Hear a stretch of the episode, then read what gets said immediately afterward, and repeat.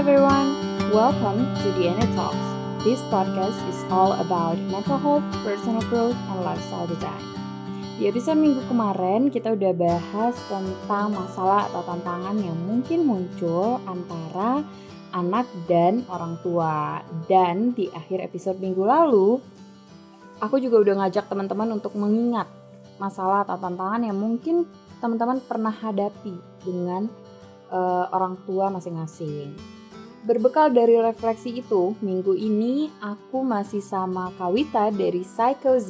Hai yes. Kawit. Halo Ci.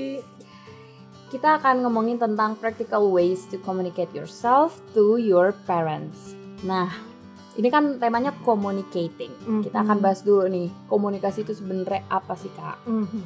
Komunikasi itu kan intinya adalah cara kita membangun kesepakatan hmm. ya dan kesepahaman antara kedua belah pihak antara dua minimal dua orang minimal ya dua orang. minimal dua orang jadi sebenarnya tujuan komunikasi itu adalah membuat kesepahaman atau kesepakatan hmm. katakanlah hmm. sekarang antar dua belah pihak aja ya dulu ya. hmm. ya gitu jadi namanya kesepakatan atau kesepahaman itu uh, itu titik tengah titik ya, tengah. Bayangin itu titik tengah. Jadi uh, uh, for the extreme uh, situation, yang satunya di kanan, mm -hmm. yang satunya di kiri, mm -hmm. ya kan? Nah, komunikasi itu ujungnya gimana caranya dua-duanya ketemu di tengah.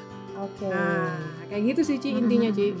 And in this case, uh, yang ada di kedua ujung ini adalah uh, anak dan orang tua yes, berarti ya kayak. Yes, betul. Banget. Jadi uh, mungkin teman-teman bisa mulai imagine mm -hmm, nih posisi mm -hmm, teman-teman sekarang mm -hmm, di mana mm -hmm, gitu ya kak biar nanti uh, lebih relate nih ketika betul. kita ngobrolin tentang uh, tips and triknya mm -hmm, gitu ya kak. Mm -hmm, nah mm -hmm. uh, tadi kan komunikasi itu kita mencapai titik tengah kak. Mm -hmm. How to do that? Mm -hmm. Nah, sebenarnya komunikasi itu intinya cuma dua sih. Ya. Hmm. Yang pertama adalah bagaimana memahami, hmm. dan yang kedua bagaimana membuat orang paham. Oke. Okay. Gitu. Jadi memahami dan membuat orang paham, paham tentang apa yang kita mau kan intinya gitu. Dan itu siklus ya. Jadi hmm. sesuatu yang berjalan kayak kalau kimia tuh reaksi timbal balik gitu loh. Okay. Jadi kita memahami kemudian membuat orang lain paham, kita hmm. juga akhirnya memahami lagi dan seterusnya. Seperti hmm. itu seterusnya sih sampai hmm. akhirnya ketemu kesepakatan dan kesepahaman yang tadi ditujukan.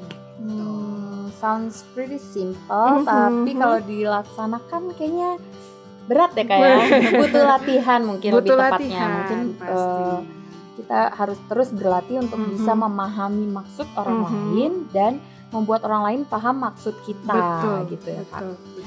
Let's break it down. Pertama mm -hmm. kita ngomongin dulu gimana caranya kita untuk memahami mm -hmm. orang lain. Dalam mm -hmm. kasus ini kita ngomongin bagaimana kita memahami orang, orang tua. tua ya. Mm -hmm. Oke. Okay. Jadi Ci menurut uh, banyak ahli dan penelitian nih ahli mm-hmm. komunikasi jadi kegagalan utama komunikasi itu adalah ketika uh, kita selalu ingin membuat orang lain paham gitu, mm-hmm. tanpa memahami oke okay. gitu jadi arahnya dari sin dari kita dulu ke orang ke lain orang ya, lain kayak? dulu gitu hmm. padahal sebenarnya semua itu memu semua itu dimulai dari kita memahami orang lain dulu gitu hmm, okay. jadi kalau mungkin sering tuh banyak dengar quotes ya jadi kayak kita seringnya mendengar itu untuk dalam rangka memberikan respon. Mm-hmm. gitu ya bukan mendengar karena ingin memahami. Iya. Iya. Jadi kita jadi, hearing not listening ya yes kayak. gitu. Nah jadi di memahami ini sebenarnya kuncinya adalah empati sesuatu okay. yang rasanya juga teman-teman mungkin udah udah sering dengar hmm, sih ya udah familiar betul juga. tapi empati ini emang gak gampang sih Ci gitu karena ini tuh kayak bener-bener uh, menahan diri mm-hmm. untuk tidak uh, mengedepankan ego kita, kebutuhan kita, mm-hmm. tapi justru kita memprioritaskan bagaimana cara memahami dulu gitu loh, mm. memindahkan diri kita ke orang lain dulu, posisi orang lain, posisi orang lain dalam hal ini kan orang tua ya. Mm-hmm. Nah kita nih kadang sebagai anak posisinya uh, terbiasa untuk diberi kan, Iya. Yeah. Jadi pengennya tuh dipahami, dipahami, mm-hmm. dipahami gitu. Padahal seiring berjalannya waktu, kita lebih dewasa, uh, porsi untuk kita memahami orang tua terlebih dahulu itu hmm. justru jauh lebih besar dibandingkan dengan ketika kita masih kecil. Yeah. Gitu. Mungkin ini juga yang di episode minggu lalu kita omongin ya mm -hmm. kan tentang kadang kita lupa kalau orang tua kita itu uh, manusia manusia gitu, biasa ya. betul yang juga perlu dipahami yang juga Mhm. punya uh, yaitu personalitinya sendiri Mhm. punya situasi uh, mereka sendiri gitu Mhm, dan mhm. uh, yang tadi Kawita bilang karena kita terbiasa menerima betul dan juga mungkin uh, adanya mindset bahwa orang tua itu selalu memahami anak betul gitu jadi kita Iya. kayak satu arah gitu Satu ya kayak arah, enggak iya. jadi kita juga nggak uh, ada encourage untuk berusaha memahami, orang tua Memahami, kita betul, gitu betul. padahal mungkin konsepnya sama aja komunikasi dengan orang tua dan orang lain pun Mhm. ya intinya itu kita harus memahami berusaha untuk memahami memahami dulu, ya, terlebih kayak. dahulu. Nah, tadi ya kalau bicara memahami apa aja sih yang perlu dipahami gitu ya, Mm, mm, Kic, mm. ya. Jadi kan kita tuh manusia tuh kompleks ya. ya Kita punya kebutuhan, punya Mm-mm. perasaan, Mm-mm. punya pikiran, Mm-mm. Punya nilai-nilai yang dianut. Mm-mm. Yang itu tuh bukan kayak instan fingertip gitu terus langsung Ya, jadi gitu ya. ah, ah. Tapi sesuatu yang tumbuh kembang dari zaman kita kecil, Mm. beranjak remaja, dewasa dan segala macamnya gitu. Mm-mm. Nah, orang tua kita kan juga manusia ya, Ya. yang juga mengalami semua fase itu. ya Dari dia kecil, dia jadi remaja, dia jadi dewasa, Mm-mm. pikirannya bertumbuh kembang, perasaannya juga, kebutuhannya juga. Bisa jadi banyak luka dalam perjalanannya, bisa juga banyak pencapaian dan itu udah mix satu sama lain gitu ya. Mm. Nah, pertanyaannya adalah pernah nggak sih gitu ya, kita berusaha untuk eh, menghayati bagaimana perjalanan orang tua kita sebagai manusia biasa Mm-mm. gitu. Pernah nggak kita pengen eh, tahu gimana sih masa kecilnya, ya gimana masa remajanya, Mm-mm. gimana dulu i- orang tuanya, kakek nenek Hmm. kita itu memperlakukan beliau gitu ya. Iya. Gimana karena orang tua itu juga dulunya anak ya kayak orang itu juga dulunya anak kan gitu ya. Terus gimana pengalaman beliau di ker- pekerjaan Mhm. gitu ya dengan atasannya dan segala macamnya. Eh, mungkin kalau kalau kita bisa sedikit pindah channel gitu ya, Mhm. eh, memindahkan untuk eh, memperluas pandangan kita melihat orang tua itu dengan proses yang ada di belakangnya, Yes. bisa jadi malah kita punya perasaan yang berbeda loh sama orang tua. Hmm, jadi yang muncul bukan lagi emosi-emosi yang eh, bergejolak gitu ya kayak emosi-emosi yang membuat kita nggak nyaman Betul. tapi eh, justru dengan kita berusaha berempati ke orang tua Mhm. kita bisa ngelihat nih sudut pandang eh, orang tua itu gimana Mhm. rasanya berada di posisi beliau Bener, gimana bener gitu. banget. Ini kelihatan banget dan kerasa banget pas sesi kemarin tuh Ci. Gitu. oh iya Yang awalnya uh, terlihat marah, kecewa, sedih banget sama orang tua, tapi kemudian ketika kita berusaha menelusuri bagaimana perjalanan ayahnya ya waktu Mm-mm. itu, yang ada langsung berbalik sih, gitu. Hmm. Berbalik, oh ternyata ayah saya tuh begini ya, gitu. Mm-mm. Malah berbalik kasihan, gitu. Hmm. Yang awalnya marah, jadinya kasihan, dan malah tumbuh di situ keinginan dari anak untuk merawat orang tua, Iya, untuk eh, mengasihi mengasihi ya, gitu kayak. ya, di saat sebelumnya marah dan sedih tapi jatuhnya malah keinginan untuk mengasihi gitu. Hmm. Ya kak aku jadi inget juga nih eh, pengalaman aku Mhm. dengan orang tuaku sendiri Mhm, gitu. mhm. Dulu mungkin zaman zamannya remaja ya kak ya Betul. pasti kayak eh, jadi orang tua aku itu eh, harus dihubungi setiap hari Betul. bahkan sampai saat ini. Oh gitu, ya, Kak. sampai, aku gitu ya. udah umur du- 25 tahun gitu Iya, tapi harus iya. tetap eh, komunikasi setiap hari minimal telepon Yes, gitu. yes, Nah, yes, yes. dulu waktu awal aku masih remaja, awal-awal kuliah tuh kayak ngerasanya kenapa sih ngapain Mhm, sih mhm, gitu yang mhm, kayak eh, mungkin aku juga dulu ngerasanya takut dianggap anak mami Mhm, gitu karena ditelepon mhm. terus Iya, gitu iya, Kak. iya, Tapi iya. setelah aku berusaha mem- memahami orang tuaku Heeh. kayak eh sebenarnya itu bukan bentuk kayak ngejadiin aku anak mami bukan Betul, gitu, tapi Oke.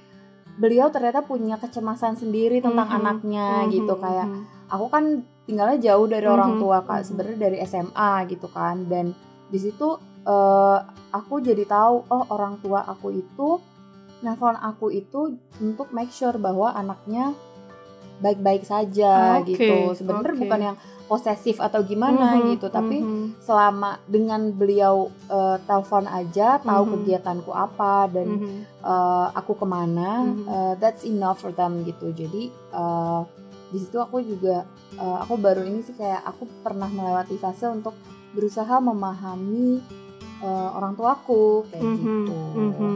Yes, yes.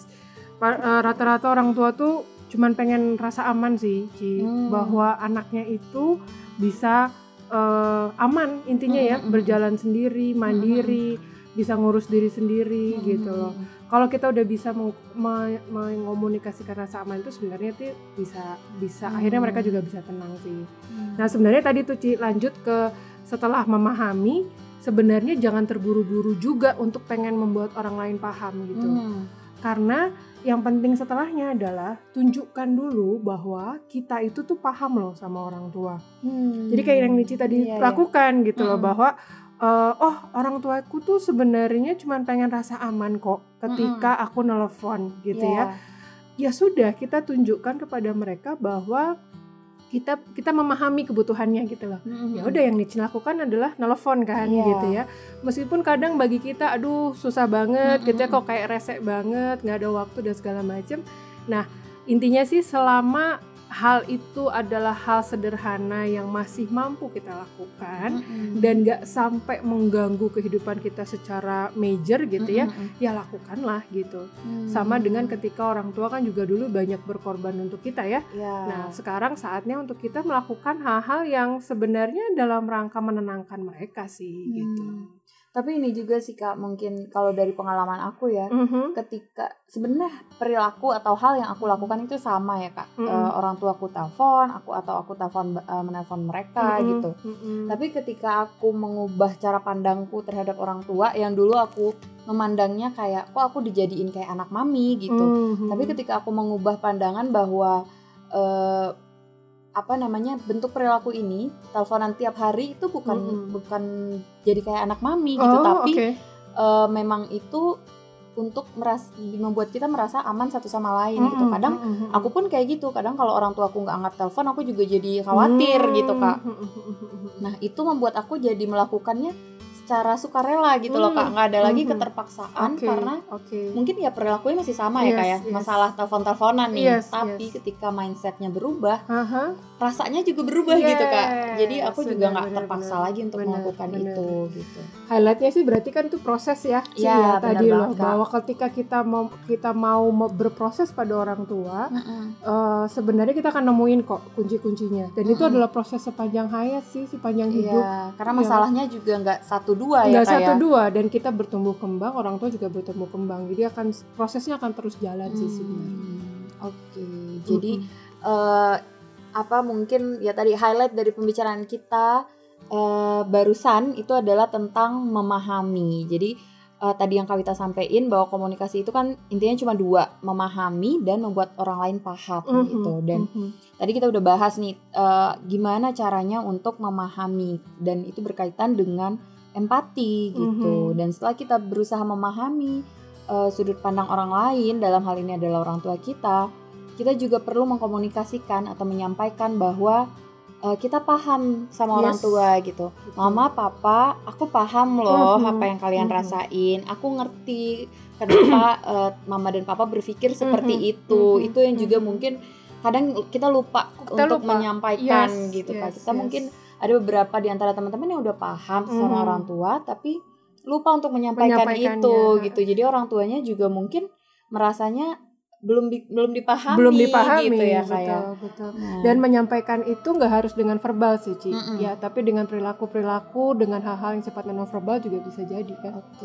jadi nggak harus mungkin ya budaya kita juga ya Mm, kayak mm, eh, nggak terbiasa untuk sayang-sayangan Benar, sama orang tua gitu. benar. Tapi ya nggak caranya nggak harus kayak gitu. Eh, yang penting tadi kita bisa em, menyampaikan Mm. atau membuat mereka paham Mhm. bahwa kita paham dengan mereka Yes. gitu. Oke, Nah, that's good. eh, mungkin eh, balik ke masalah yang teman-teman punya eh, yang kemarin sudah di dicoba direfleksiin Mhm, gitu. mhm. Nah, sekarang mungkin teman-teman bisa juga nih merefleksikan apakah eh, teman-teman udah pernah mencoba untuk memahami orang tua masing-masing gitu. Seperti apa kondisinya, masa kecilnya gimana, masa lalunya gimana, terus mungkin keadaan sekarang gimana gitu, masalah yang beliau hadapi karena ya as a human being orang tua kita juga punya kondisinya sendiri Yes. gitu ya, kayak akan mempengaruhi gimana interaksi kita sama orang tua.